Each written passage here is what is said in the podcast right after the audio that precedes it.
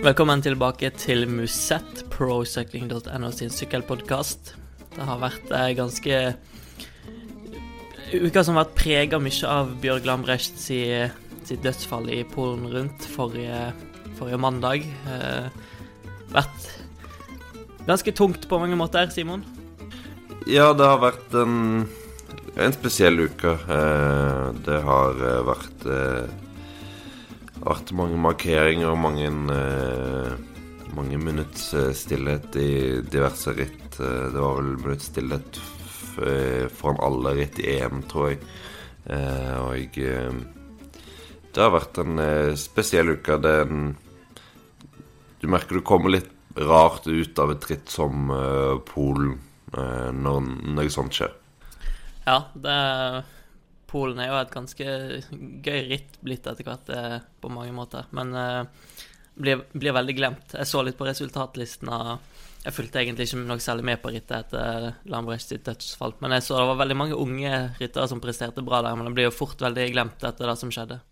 Ja, det, det blir jo det. Eh, Men klart det er jo altså For Jonas Vingegård og Pavel Sivakov så er det jo fantastiske seire. Eh, Og, eh, og de kan jo ingen ta, ta, ta fra dem. Så, så det, det ble et ganske bra ritt, selv om, selv om Lambrechts dødsfall jo ja, overskygger det meste. Carl Fredrik Hagen gjorde jo det greit, det. Han var nok eh, litt satt ut av det som, det som skjedde. Men han sto jo på, på andre måter eh, veldig bra frem etter det som skjedde. Ja, jeg snakket litt med han i går. eh, eh, og da sa han jo det at han syntes det laget ja, kjørte veldig bra på slutten. De hadde ikke noe De hadde ikke noe taktikk. De var ikke sånn at noen var kaptein og noen var hjelperytter. Det var Ja, vil du stå av, så gjør du det. Vil du eh, sitte i gruppettoen, så gjør du det. Vil du gi alt, så gjør du det. Det var, det var helt fri frie kort, og eh, de eh, Jeg fikk eh, kalle på en 18.-plass i sammendraget, tror jeg, og eh, eh, nesten klatret jeg på Maskinski. Den røyk vel omtrent på siste stigning, så eh, En eh, Ja.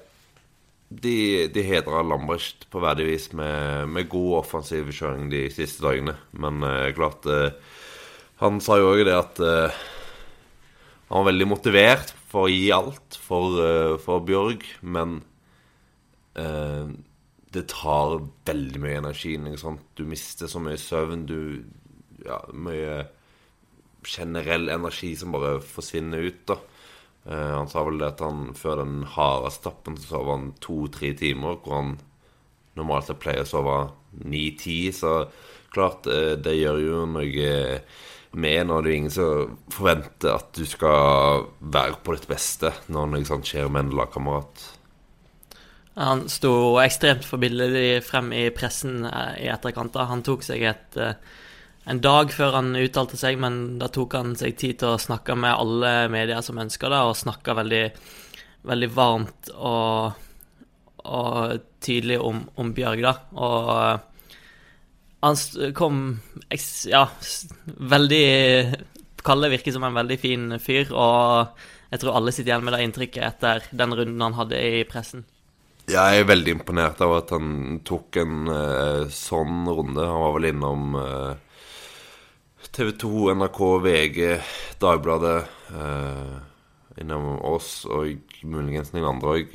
Så klart eh, det hadde vært mye lettere å si Lage en sånn konferansesamtale hvor dere har ti minutter. Men tok han ti minutter med, med alle. eh, og det det står det virkelig virkelig respekt av. Og det, det virker som det kom fra av et ganske sånn, sterkt ønske om å bare fortelle eh, om Bjørg. Eh, fortelle hva for en fin fyr han var, og sånt. Så, så veldig fint gjort av eh, Carl Fredrik. Han har jo lagt i kortene ganske lenge òg nå, men i går kunne procycling.no bekrefte at han får eh, sin Grand Tour-debut òg. Ja, det er jo veldig moro for han, det. Eh, og eh, det ligger jo an til at han kommer med ganske frie kort. Lotto Sodal har jo ingen sånn supersamla kaptein, og de sender i hvert fall ikke en sånn rytter til til Welton. De sender etter planen heller ikke Caleb Buen, så da er det ganske frie kort. De sender jo rytter som Thomas Digent og Sander Mee og Jelva Lais og sånt, så det er jo masse bruddryttere, og derfor tenker jo Carl Fredrik at han skal prøve å gå litt for en framskutt sammenlagtplassering. Her snakker vi jo ikke topp ti, men mer ja, topp 20, 25, 30 og sånt. Og se hva han kan klare. Det syns jeg er veldig kult at han har en sånn innstilling til sitt eh, første treukersritt. Det blir spennende å se. Uh, det som prega forrige uke stort sett med norske øyne, var jo EM. Uh, så vi hadde en del gode, gode prestasjoner der, men nådde ikke helt opp på podiet.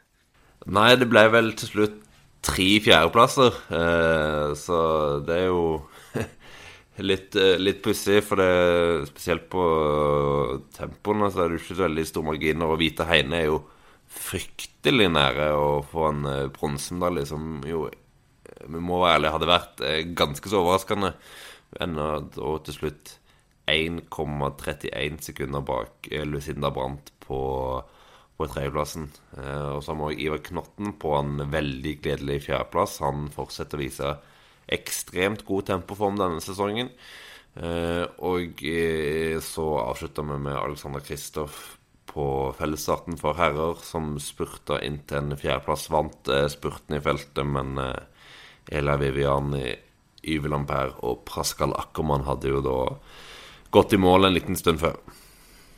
Det var jo på, på mange måter et uh, gateritt, uh, de fellesstatene. men det ble ganske, ganske spenstig for det. Ja, det, det ble jo ble omtrent et gateritt. Uh, og en så jo i de første Kvinner junior og var vel òg ja, En del av de første rittene som ble kjørt, eh, så var det en del regn. Og da så du, da ble det innmari mange velt. Eh, så da ble det litt sånn Ble litt eh, parodisk en liten stund, men det er ikke mye bedre for både damer lite og herrer lite. På litt tørrere veier. Så, så da, da, virker det ganske bra eh, med en sånn løype. Og det er jo inne i byen i Italia virkelig sprenger det ved å kjøre full spiker, for det er veldig fort at det sprekker opp, og det gjorde det jo. Så da, da fikk vi en seleksjon på vel 13-14 ryttere hvor Trentin Nei, Viviani, Ackermann og Lampere stakk av etter hvert. Veldig morsomt å se to ja, på mange måter Folk ser det på mange måter som rene spurtere. Viviani og Ackermann eh, kjører så offensivt og viser at de faktisk er ordentlig sterke sykkelryttere. Ja, Viviani har vi jo sett litt spor av at han kan gjøre noe lignende tidligere. Men Ackermann overbeviste Eller overrasket meg veldig positivt. Eh, det var litt sånn ut av karakter for han, men han fikk jo en bronse på det, så han sa vel det etterpå at han hadde jo vært misfornøyd med en tredjeplass i en, eh, en, spurt, hvis det var en spurt om gullet. Men uh, når han fikk en tredjeplass etter en etter sånn type kjøring på slutten, så var han veldig fornøyd. Så det var moro å se. Hva skal vi si om, om den norske innsatsen der, da? De var jo voldsomt på etterskudd fra start av. Bare Kristoffer Halvorsen som satt med etter den store runden de hadde vært på i starten, som var 48 km, der det var plenty av sidevind. Men så kom jo Kristoffer Kosek tilbake etter hvert, da, før de igjen var bakpå når Viviani og Italia gikk til. Ja, det Nå har jeg ikke sett noen sånn offisiell forklaring hvorfor, hvorfor de var, var, bak. Om det rett og slett bare var fordi de ikke var gode nok, eller om det var et eller annet øh, teknisk eller noe sånt som gjorde at de, de havna bak. Men klart, én mann i en uh, gruppe på det var vel nærmere 40 ryttere. Det, det, er litt for lite. Uh, så heldigvis kommer jo Kristoff eh, sin gruppe opp, men jeg vil anta at de da allerede har brukt en del krefter på å kjøre seg opp, som gjør at de da kanskje mangla litt hestekrefter for å, for å kjøre inn eh, grupper når eh, det sprakk opp igjen. Eh, alle har vel egentlig sagt etterpå at det, sånn, det, var, det, var, et sted det var vanskelig å forutse at det skulle sprekke opp, for det var relativt tidlig på rundene. Men eh, klart eh, I etterpå klokskapens navn så burde en jo vært lenger framme. En burde hatt noen topp eh, top 15 som ja, kunne slengt seg med når det ble satt opp fart. Eh, så ikke ideelt, men jeg syns selv om en kom på etterskudd, så syns jeg jo det norske laget gjør veldig god jobb uh, for, uh, Kristoff. Det var moro å se Markus Holgo og Anders Gårdseth ligge der sammen med Dylan, van Barle og Sebastian Langefelt for å taue det feltet. Det, det, viser at de, at de har en god motor, i hvert fall. Og Kristoff var kanskje litt uheldig med timinga på Italia sitt uh, stuntdag, for det var like etter han hadde hatt teknisk og stoppa for å fikse sykkelen sin og omtrent akkurat kom tilbake i feltet. Ja, han, han hadde en veldig lang eh, tur opp i den bilkøen, egentlig. Den var veldig, veldig hakkete. Det er litt sånn det blir når det er en så teknisk løype. Du, du fanga jo et eh, godt eh, klipp, eh, du, Knut, hvor den norske bilen ble litt pressa ut og måtte hoppe opp i, i eh, jeg vet ikke om det er fotgjengerfelt eller en sykkelvei ved siden av, uh, ved siden av uh, veien. Uh, så det kan bli, bli, litt trangt. Og Kristoff hadde jo, som du sier, han kom vel opp noen kilometer før, så helt ideelt var det jo ikke. Jeg ble altså en klassisk fjerdeplass på Kristoff der da til slutt. I kvinnerittet lørdag så var det jo òg ei, ei tremannsgruppe som kjempa om, om, seieren til slutt. Det var Amy Peters som vant foran Elena Cicchini, som jo er, er jo kona til Viviani. I hvert fall, de er sammen. Jeg tror det er samboer. Ja, samboer. Eh, også Lisa Klein fra Tyskland på, på tredje, da. Uh, men det ble en ganske spesiell utvikling på slutten der med Peters fra Nederland i front, mens Nederland òg satte opp full fart bak. Ja, det, det så unektelig veldig merkelig ut. Eh, jeg har sett en del hevde at det var for at Nederland skulle uh, kalle sette press på de to foran, sånn at Peters skulle slippe unna med å ta minimalt med føringer. Uh, men Peters gikk jo rundt, så jeg vet ikke helt hvor hvilken effekt det eventuelt hadde. Uh, og nå ble det vel egentlig bare til at de gikk fra å være sjanseløs eh, til å få det samla til en spurt, til at det ble mulig, men så var kanskje folk litt sprengt, og så var det ingen andre som egentlig ville ta det opp. Så det så litt merkelig ut. En fikk litt flashbacks til Glasgow i fjor, hvor Nederland jo rota det totalt til. Men uh, i år var de sterkest både i hovedfeltet og, og i bruddet, så så de satt i hvert fall igjen med seieren til slutt. Ja, de Ja, det er mulig det var mer kalkulert enn det så ut som, men du nevnte jo Glasgow i fjor, der det gikk skikkelig dårlig. Og da fikk jo alle rytterne som ble tatt ut til eh, VM i Innsbruck, fikk jo klar beskjed om at uh, hvis de ikke samarbeider eller gjorde noe illojalt, så kom de aldri til å sykle på landslaget igjen. Så det har jo vært litt sånn uh, gnisninger innad i laget der tidligere. Ja, det er jo vanvittig mange stjerner. Eh, så det er klart at det, det er store vinnerskaller eh, på, på, de rytterne. Og omtrent alle på det laget som Nederland stilte med, kunne jo vinne dette rittet. Eh, hvis de fikk det i, i sitt spor, så ja, det, det, gikk i hvert fall bra denne gangen. Det var godt for de på hjemmebane. Eh, vi snakket kjapt om kvinners tempo i sted. Eh, på herrenes tempo så viste Remco Evenepool sitt vanvittige talent igjen. Bare noen dager etter han hadde eh, briljert i San Sebastian. Ja, en helt eh, fantastisk tempo, og egentlig en ganske, ganske klar seier omtrent. Eh, nesten eh, ett et sekund eh, raskere på kilometeren enn din nærmeste konkurrent, så det var jo veldig jevnt bak Evenepool. Eh, spesielt kampen om bronsen, så var det vel tre-fire mann på halvannet sekund. Så. Men eh, Evenepool var igjen latterlig bra.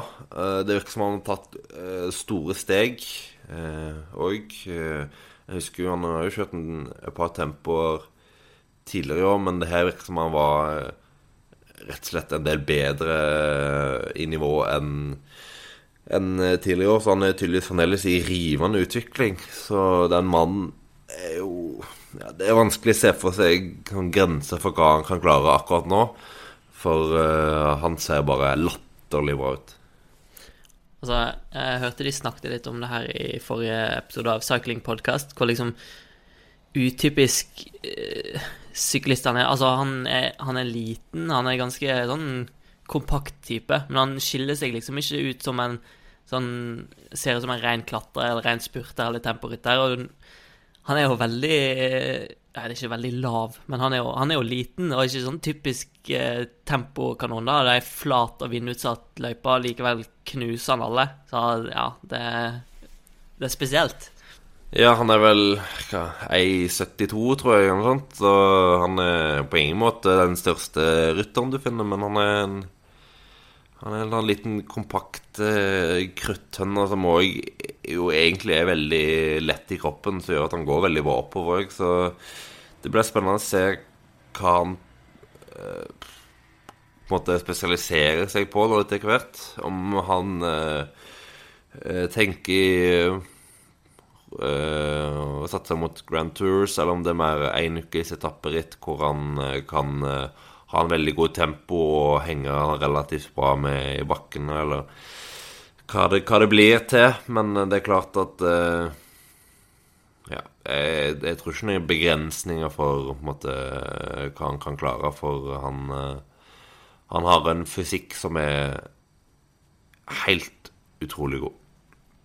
Og det kunne Quickstep og Patrick Lefebvre var ganske tydelige på når vi gikk inn i denne sesongen, at de skulle ikke bremse utviklingen hans, men holde litt igjen og ta det med ro og se litt an. Men nå har han jo vist seg på øverste nivået at han kan vinne der. Eh, forventningene vokser, presset vokser. Eh, og jeg leste her forleden at Quickstep opprinnelig hadde en treårsplan med tanke på å få han inn i Tour de France, men eh, spørs om ikke alt sånt blir framskynda veldig nå etter hvert.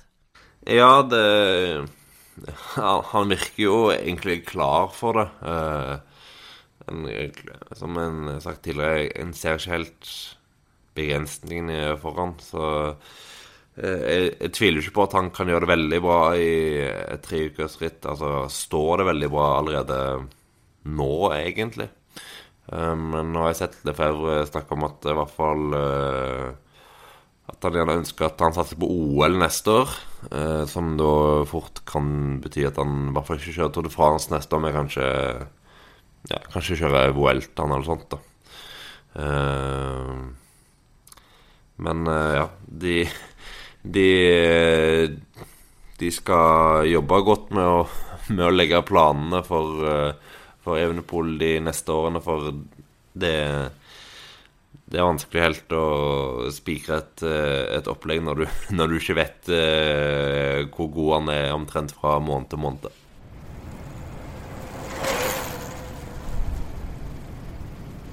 Vi kan ta med oss uh, noen andre uh, plasseringer òg fra EM. Uh, du nevnte jo Iver Knotten i, i sted. Andreas Leknessund ble nummer fem på samme tempoen, like bak Knotten. og Leknessund er jo da dessverre ute med kragebeinsbrudd Eller, ja, en for, Nei, nei ikke, ikke, ja. Kragebein er faktisk ikke ja. Ja. Det er leddbånd i skulderen som er, som er skada, ja. som gjør at han mister resten av sesongen. Det kan vi nevne litt mer om senere. Um, og så hadde vi Susanne Andersen, som ble nummer åtte i, i kvinner sin fellesstart. Vel, vi må vel si det er godkjent? Ja, hun er jo ganske, ganske alene. Eh, Moberg var vel med en liten stund igjen etter at det eh, sprakk opp og så samla seg, men så velta jo hun. Eh, men eh, ja, hun kom seg med i den eh, gruppa på ja, hva ble det, 15 ryttere eller så som så ganske farlig ut en stund. Eh, eh, og jeg sitter så egentlig veldig godt eh, plassert i feltet helt fram til, fram til spurten. Og jeg uh, blir jo da nummer fem i feltet. ikke så langt ifra de to foran, så, så ja, det må jo være ganske godkjent. Og i kvinner sin U23-fellesstart så spurta Ingvild Gåskjenn inn til en eh, sjetteplass. Siste i rekka av eh, gode plasseringer for hennes del. Hatt en god sommer og god start på høsten nå. Uh, og så kan du nevne også at Hightech sin Loneke Uniken ble nummer tre, så det er jo hyggelig for de. Hello, I'm Alberto Contador and listen to Muschets. Tirsdag formiddag så tikka det inn litt gode nyheter. Damelaget Team Virtu, som har både Katrine Aalerud og Emilie Moberg i rekken, eh, blir jo etter all sannsynlighet lagt ned. Eh, det ble klart for et par måneder siden, så de to norske rytterne har måttet ut på lagjakt. Og eh, nå har den første av de klart å ordne seg et nytt lag, og det er altså Katrine Aalrud som har signert for spanske Movistar. Og det er jo gledelige nyheter, Simon. Ja, det er jo litt uh småsexy, det, men eh, norsk rytter i eh, Movistar det, Uten at jeg vet det, altså, jeg føler meg ganske sikker på at det er første gang en norsk rytter har kjørt, eh, kjørt for Movistar, eller ja, de versjonene før som kjenner på herresida. Eh, nå er det jo da damelaget som starter opp i 2018, og Ålerud har fått en kontrakt på to år. Eh, det er jo veldig gledelig. Det er jo ikke nødvendigvis så vanlig i kvinnesykling som for herrene. Så tydelig at eh, de har tro på eh, Katrine, og at hun får tid til å ja, utvikle, seg, utvikle seg det. Nei, Movistar-laget er jo en del av den trenden med ja, de doble lag, da, med kvinnelag og herrelag under samme sponsor. Og Movistar er jo et lag som strekker seg flere tiår tilbake. Eh, har veldig gode rammer. Eh, regner med det er trygge rammer òg. Eh, så det er jo veldig positivt. Eh, du har jo nettopp eh, snakka med Katrine. Du kan fortelle litt hva hun hadde å si om, om valget sitt. Ja, det er jo som du er inne på, at det er gode rammer. Og det var noe hun òg framhevde. Altså, en kommer til et lag som har Som bygger på en organisasjon som jo har eksistert i flere tiår, og som er veldig solid. Og de har jo veldig mye av de samme, samme strukturene i damelaget.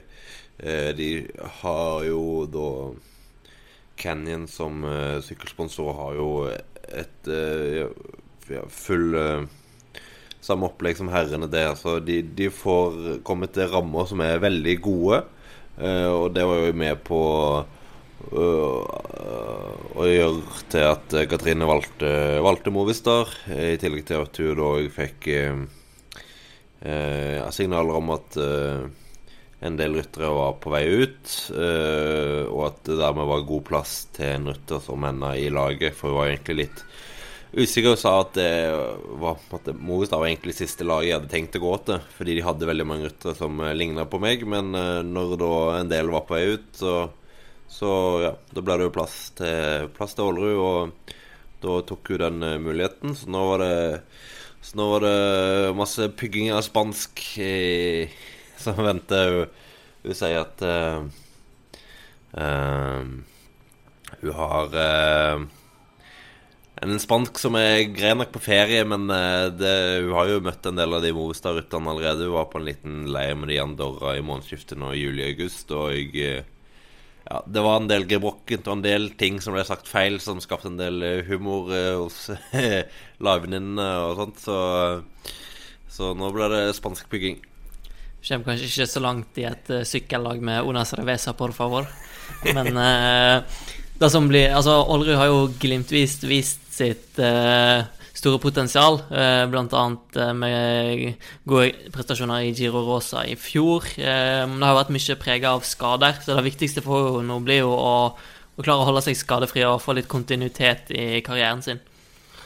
Ja, og det, det får jo litt òg når hun får uh, en toårskontrakt. Da får hun i hvert fall litt ro. Da vet du at uh, hun må ikke på døde liv prestere allerede fra start uh, neste sesong. Uh, hun har tid til å ja, finne seg eh, Komme seg i god form og eh, ja, prøve Så må hun prøve å unngå uhell, da. Det, det har blitt litt for mange, men vi ser jo når hun har vært skadefri, at potensialet er veldig høyt. Hun ble nummer eh, syv i eh, damenes Baskeland rundt eh, Emakumen Bira eh, tidligere denne sesongen, så nivået er jo Toppnivået er veldig bra, så det gjelder bare å få klart å holde det stabilt. Og en gang så må jo det bli slutt på alle disse veltene, for, for all del en del eh, Du kan sikkert snakke om at uh, når det skjer veldig ofte, så, så er det kanskje en grunn til det, men veldig mange av de veltene hun har vært i, f.eks. den i NM, er jo totalt uforskyldt òg, så hun har hatt veldig mye uflaks. Så nå må det bare bli litt eh, eh, Den trenden der må snus, så er jeg sikker på at eh, hun kan levere veldig bra i Movistad.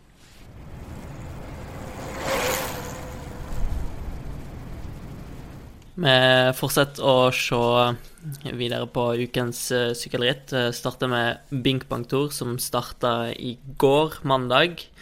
Um, der har vi Kristoffer Halvorsen og Rasmus Tiller med. Uh, Halvorsen med i spurten om seieren i går, men nådde ikke helt frem. Nei, det var en litt uh, kaotisk uh, spurt, som de ofte er. Som Stein Ørn en gang påpekte på Twitter. så ja Det var en del ryttere som kom litt i retur, og en del ryttere som ble låst. Halvorsen ble låst inne på innersving. og fikk egentlig aldri åpna spurten, så han trilla egentlig bare inn til en åttendeplass. Men han var i hvert fall med godt der framme var i en god posisjon inn på, på oppløpet. Eh, så hvis han bare får åpningen, så er det jo håp om, eh, håp om at han kan gjøre det bra. Det var en veldig bingo-spurt, altså. Det var Bennett som fikk åpningen av de som eh, Av de som kom bakfra. Han vant jo da egentlig ganske greit. Eh, kommer vel en del eh, flere muligheter for han i løpet av eh, uka. Det er vel to-tre flatheter per til. Ja, det er, det er en del eh, spurtetapper. Er en spurtetappe nå i dag, eh, tirsdag, så den eh, resultatet er jo allerede kjent når denne podkasten kommer ut. Og så er det en ny spurtetappe på onsdag, og igjen på fredag. Den tøffeste etappen er jo egentlig den fjerde etappen på torsdag, hvor de skal kjøre en runde skal vel kjøre den tre ganger, uh, hvor de skal over uh, ene bakken er vel der på rundt en, en drøy kilometer på litt over 10% så en etappe på kun 96 km hvor det nok blir eh, bånn pinne fra start. og så blir det avgjort i helga med en tempo på lørdagen som kunne 8 km, og så den klassiske etappen til Gerhardsbergen. Ganske mange eh, gode klassikerryttere til start her. Eh, du har kanskje store forhåpninger til din Dylan van Barle, Simon? Min Dylan van Barle, ja. Han, eh, han, gjorde en god jobb i EM, så jeg tror nok formen er ganske, ganske så bra. Og han er vel mannen som Ineos kjører for i sammendraget, og en, en kort tempo og etappen til Gerhardsbergen passer han jo i hvert fall bra. Og så har vi jo Bink-bank-spesialisten Timmy Wellens på start. Eh, vi har eh, Philip Gilbert, Bob Jungels, eh, Stenik Styber Van Avamat. Eh, Van Avamat, Oliver Nasen. Eh, Sunweb kommer vel med Krag Andersen. Og ja det, det, er nok av rytter som kan Som kan gjøre det ganske bra. så så jeg vet ikke hvem du tenker er den største favoritten, Knut? Nei, det er litt vanskelig å si, men uh, Jeg tror van å kom ut av Tour de France litt på stigende form, så kanskje han uh, Han sa i hvert fall han hadde store forhåpninger her, så tipper kanskje han. Ja, det er ikke noe dumt uh, tips, det. Van Avermaet er jo en mann som han er alltid oppe i toppen, i hvert fall. Så du vet at han eh, er med å kjempe. Eh, og han bør jo kunne klare den, den eh, kalde klatreetappen på torsdag sånn relativt bra, i hvert fall. Jeg tror jeg går for Tim Wellens.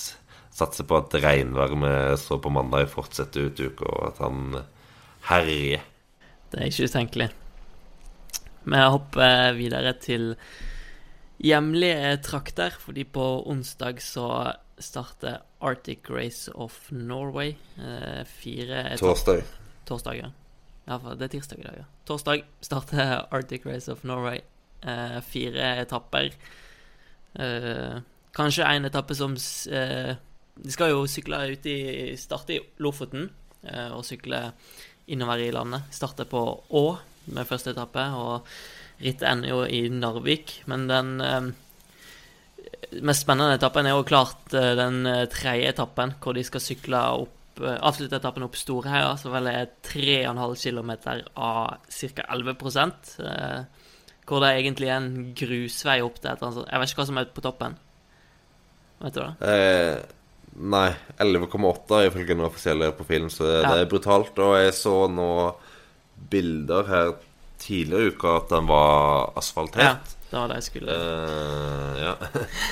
uh, så det blir jo en brutal avslutning på en etappe. Det er 3,5 km av 11 på- 11,8 Det er sånn uh, Sjøl i Vuelta i Spania hadde de nikka ganske anerkjennende til det. altså. Ja, den hadde, glatt uh, glidd inn i, i Vueltaen. Eh, til sammenligning så er jo Murde Hui Hvor lang er den, da? 1,8-1,6, tror jeg. Ja. den er jo 9,3 i snitt, da. Så eh, det er en solid stigning. Ja, det er bare å si lykke i det, for ja, eh, det kommer til å ha mange sure bein når de nå nærmer deg toppen der. Eh, jeg har ikke helt kontroll på, på startlister og sånt. Jeg vet ikke om du har det? Nei, det er vanskelig å ha kontroll på startlista når eh, det har egentlig ikke kommet en foreløpig startliste. Eh, men det er jo en del navn som er meldt klar. Eh, Mathieu van der Poel er jo klar. Det ble jo egentlig klar for lenge siden. Han starter jo oppkjøringen sin til VM her. Eh, og så har han òg ryttere som Aleksej Lutsenko, Varen Bagil, eh, Rein Termé, som vel vant her for noen år siden. Eh, en har Amund Alliansen. Eh, Rival kommer med eh, i hvert fall Sindre Lunke og Christer Hagen. Så tror jeg Vanti òg har Odd Christian Eiking. Han var i hvert fall, i hvert fall meldte i Tour de France at han skulle kjøre her. Eh, som òg får med seg Loik Fligen, som vant Tour de Wallonie, så han er jo i hvert fall i form. Eh, og så kommer jo mange av de beste norske rytterne på kontinentalnivå. Eh, og til nå, da, selvfølgelig. Eh, og en har Christophe Laporte og Brian Kokar og Danny van Poppel kanskje som de beste spurterne siden av Fandapol. For utover eh, den tredje etappen til Storheia, så er vel da hovedsakelig spurteetapper de øvrige etappene. Ja, i hvert fall de to første. Den til Narvik er ikke helt eh, Helt eh, gitt hva det blir. Jeg tror nok ikke det blir en spurt. Det var vel den etappen som eh, er mest kjent for Audun Brekke Flutten, som eh, mer eller mindre knakk rammer, tror jeg. Eh, eh, og det var det Rein Tramé eh, vant Arctic Race i 2015, når jeg nå ser på resultatene. Etter å ha blitt nummer tre på etappen. Det, det ble en ganske selektiv etappe, men ja, det er jo ingen vanvittig tøff etappe, så du kan kanskje forvente å få fem-ti ryttere samla inn mot mål og en spurt.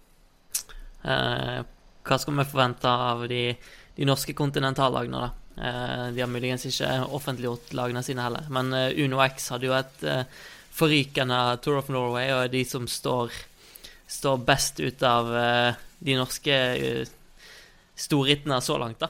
Ja Nå Nå har du jo ikke med verken Foss, Leknesund eller Sleden eh, til Arctic pga. Avenir og ja, at Leknesund er skada. Eh, så det endrer jo eh, litt på mulighetene for et veldig godt sammenlagt resultat. Eh, så jeg tror nok de Jeg tror nok de stiller litt med det flate laget, laget sitt. Og så har de òg Markus Holgaard, da, som ble nummer eh, to i Arctic Race i fjor. Så han blir vel eh, lagets sterkeste kort eh, for eh, sammendraget. Eh, men det er klart de norske lagene har en ganske god mulighet i dette rittet, for startlista er ikke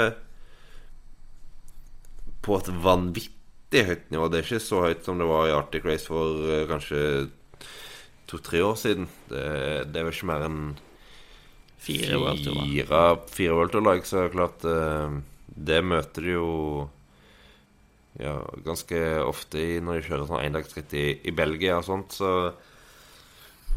hvis du er påskrudd, så tror jeg de har gode muligheter til å i hvert fall kunne få gode etappeplasseringer underveis. For de øvrige norske så har vi jo òg eh, August Jensen på hjemmebane i eh, Nord-Norge, og Sondre Holst Enge som eh, gjør comebacket sitt i konkurranse etter at han har vært litt et egne ord litt overtrent i, i år. Så det ble jo òg spennende å se hva de kan få til. August Jensen kom jo rett fra Volta Portugal, hvor han fikk en et, to-tre gode etappeplasseringer i første halvdel av rittet, så han bør i hvert fall være i relativt eh, god form. Jeg hadde jo ti etapper der, så eh, skal nok hjelpe godt på formen. Og Sondre Holstenger har som- du nevner, slitt litt med overtrening, er vel konklusjonen fra hans eh, leir. Men han har vært veldig offensiv på sosiale medier i det siste, da. Så virker som han er tent, i hvert fall. Ja, det er bra. Det er ingenting som eh, Ingenting som er bedre enn en tent eh, Sondre Hall Stenger. opp pleier Og få til en del bra. Eh, samtidig som eh, Arctic Race of Norway går, så dagen etter så starter Tour de Lavenir, og Arctic er for all del gøy, men det er noe ekstra pirrende med Lavenir, Simon. Ja, det er jo Jeg tror det er et veldig åpent ritt, så jeg tror det skal bli veldig spennende. Eh, Norge stiller jo da med Tobias Foss, Torjuslien, eh, Ida Andersen, eh, Martin eh, Bugg Urianstad, eller det motsatte? Jeg blander i alt. Jeg tror det er Bygge Urianstad. Ja. Eh, Søren Wernskjold og Ludvig eh, Holstad. Så eh, klart en merker jo at Leknesund ikke er med, eh, og det kommer nok òg til å få merke på lagtempoen, som vel er på den andre etappen. Men eh, Tobias Foss har jo vært topp ti nå to år på rad. Har hatt en veldig fin treningsperiode nå den siste måneden. Var, var vel først tre uker i høyden med framtidige lagkamerater i Jumbo Visma før han eh, var med UnoX på en høydesamling i, i Alpene. Så satser på at han er fit for fight igjen etter at han jo var litt eh, hadde en liten down eh, på slutten av våren etter å ha vært litt eh, sjuk. Og at han igjen kan kjempe om gode plasseringer. For en, mangler jo en sånn banal for to år siden. Pogacar slash Sosa i fjor. Det er ingen Jeg ser ikke en så klar favoritt i år, i hvert fall. Så jeg tror det kan, eh, kan bli spennende. Kan da. Du har jo Timen Arendsmann, der som ble nummer to i fjor, som òg sykler i år. Han er jo kanskje naturlig å regne med. Ja, det, det vil jeg tro. Uh, og så har du jo eh, Du har alltid en del colombianere som, eh, som er gode. På den foreløpige startlista så står uh, ikke Andres Adia som vant babygiroen, men de har, har De tapetserte jo pallen der, så de stiller vel med et par av de, og mange andre sterke klatrere. Så det blir vel bare å finne ut hvem av de som, hvem av de som går best oppover, og så satse på han. Eh, og så stiller tyskerne med, et, eh, med et bra lag, og Belgia stiller jo med vinneren av, Åsta, selv om det var et veldig spesielt eh, ritt. Østerrike kommer med et bra lag, eh, så skal bli tøff konkurranse, men jeg tror Foss har gode muligheter til å gjøre det ganske bra. Jeg er Carl Fredrik Hagen, syklist på Lotte Sodal, og du hører nå på podkasten Musett. Vi har eh, dekka det meste norsk, norske aktiviteten den siste uka, så norske sykkeluka utgår sånn eh, som eget segment i, i dag. Men uh, vi har eh, flere spalter. Uh, slakt og ros, uh, og vi starter med Lanterne Rouge, eh, der noen skal få, få litt kritikk. Ja, vi, vi husker jo alle denne etappen i Tour de France i fjor, eh, som var vel 65 km. En hadde denne grid-starten, og det var ja, mye ståhei. Eh, de har jo virkelig prøvd å overgå dette nå. Eh, de, allerede i fjor så hadde de jo òg en etappe på 35 km. Eh, hvor de òg hadde gridstart, så jeg husker. Eh, generelt er jo fjelletappene i Avenir veldig korte. I fjor så var de på 35, 81, 80 og 113 km. I år er det vel egentlig enda kortere. De er på eh, 23, 74, 79 km og en ja, liten fjelletappe på 106. Eh, så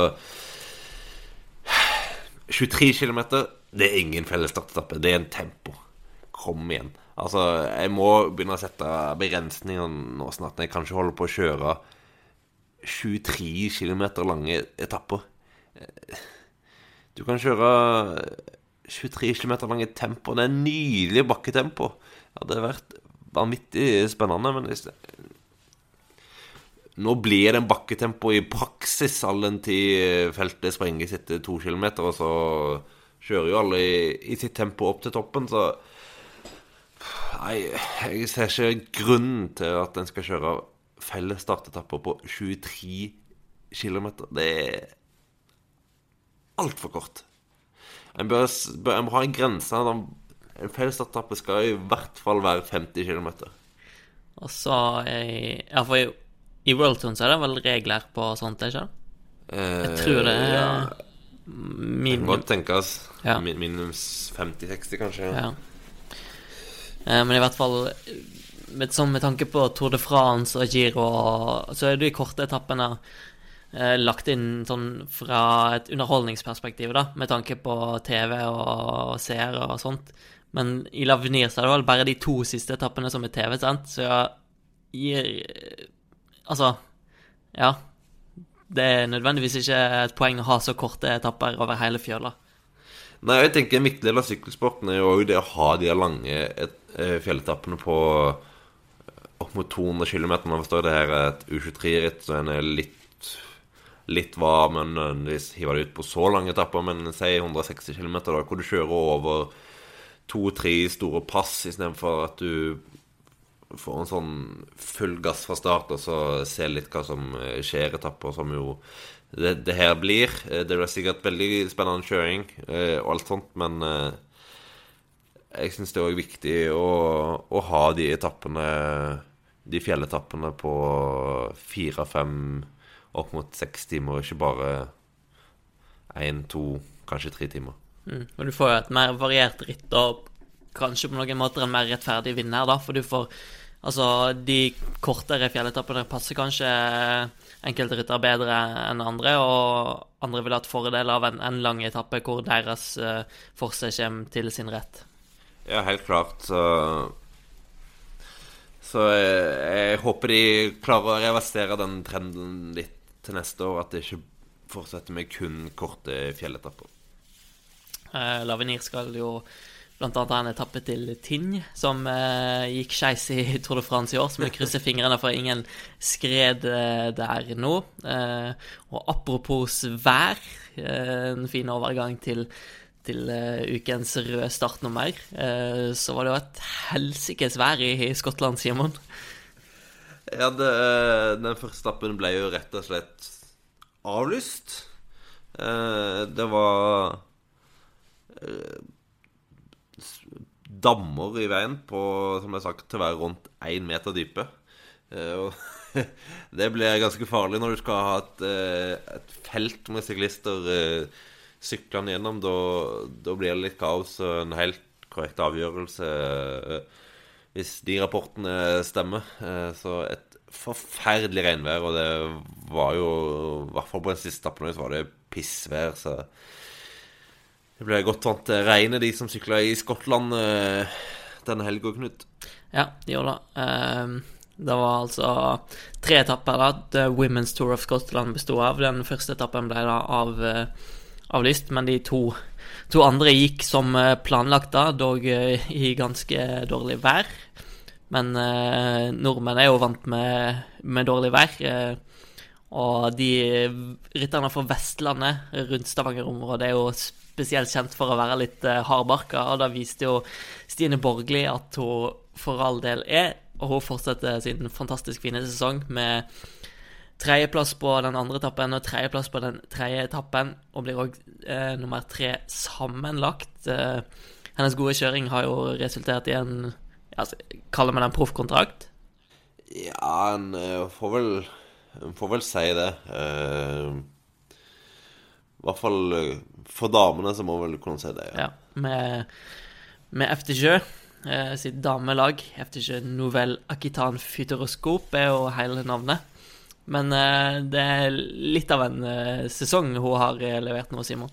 Ja, hun har levert omtrent i hvert eneste ritt hun har kjørt. Eh, og fra starten av sesongen så kjørte hun da for et belgisk eh, klubblag, eh, hvor det jo ikke akkurat har eh, samme hjelpen fra lagkameratene som eh, rytterne i de større lagene har. Eh, så hun har levert jevnt og trutt hele veien, og det er jo fullt fortjent at, at hun fikk den eh, kontakten med Francais Sjø. Hun vant jo da Volta Burgos var det vel hun vant i mai.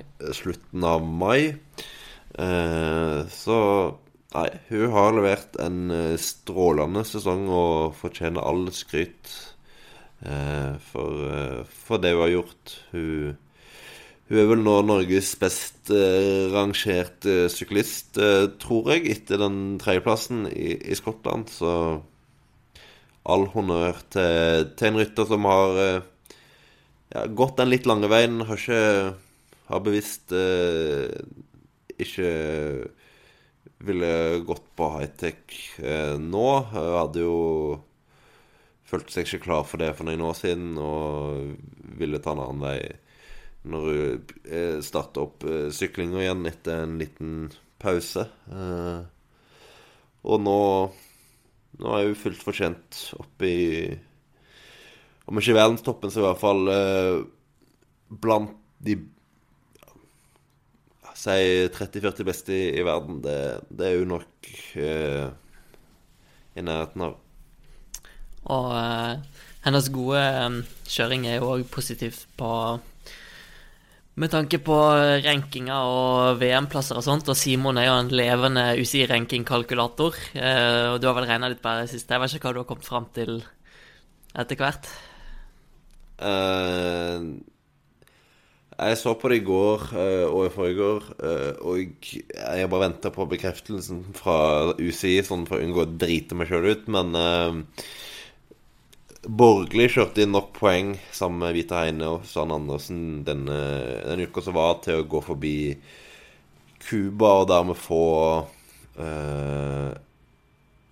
seks ryttere, eller det er fem ryttere, husker jeg ikke helt i farten, i hvert fall få en rytter mer.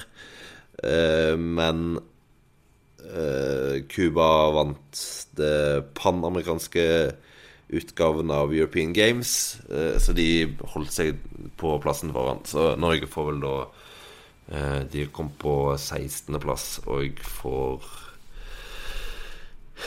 eh, Hvis du venter litt, skal jeg sjekke det, så er det jo får det rett. Eh, de får Mm. Norge får Ja, så Norge får eh, fem plasser eh, for damene. Eh, og for herrene får du da seks ruter. Der har det jo egentlig aldri vært noe eh, særlig spenning om de skulle klare åtte. Eh, de har ligget ganske stabilt med sånn 12.-13.-plass og ganske langt opp.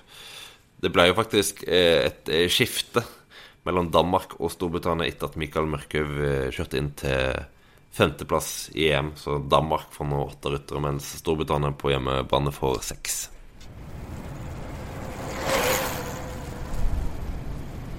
Dagens podkast går mot uh, veis ende. Uh, Theis har uh, mye å gjøre denne uh, uka. Han skal fra fredag til søndag så skal han ha ti sendinger på Eurosport.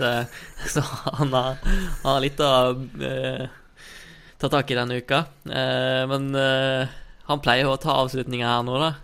så jeg vet ikke hvordan vi skal gjøre det her, Simon. jeg tror via av å høre på Theis et par ganger eh, gå gjennom denne frasen, så tror jeg det han sier, er eh, ranger, last ned og abonner. Eh, og da en henvisning til eh, iTunes, hvor du finner Musett. Eh, og du finner jo Musett på Spotify og andre podkast-apper. Eh, så søk oss opp der, og gå gjerne inn på iTunes da, og gi en liten rangering til godeste Musett. Så er det hyggelig og fint. Det er veldig kjekt om du gjør det. Eh, og så følg med på procycling.no utover uka. Det er ikke alle rittene vi snakker om. Eh, Binkbank går vel på Eurosport. Går Arctic på Eurosport? Uh, jeg tror det går på Eurosport, ja. Uh, I tillegg til at det òg går på TV2, vel. Og så går òg de to siste etappene av Lavenir på Eurosport, vel. Men det blir vel ikke før neste uke igjen, da. Og så går jo Tour of Utah på, på ja. kveldstid. Det er jo alltid deilig med litt sykling på, på kvelden. Der skal, Jeg tror det er Theis som skal kommentere der òg hele uka. Og der skal jo Lackland Morton være med, så der må jo selvsagt alle følge med. Jeg så han var start nummer én, så Oi. det er jo eh, le lekkert. Det er deilig. Eh, så eh, jeg er vi tilbake neste uke med en ny podkast, så da høres vi igjen, da.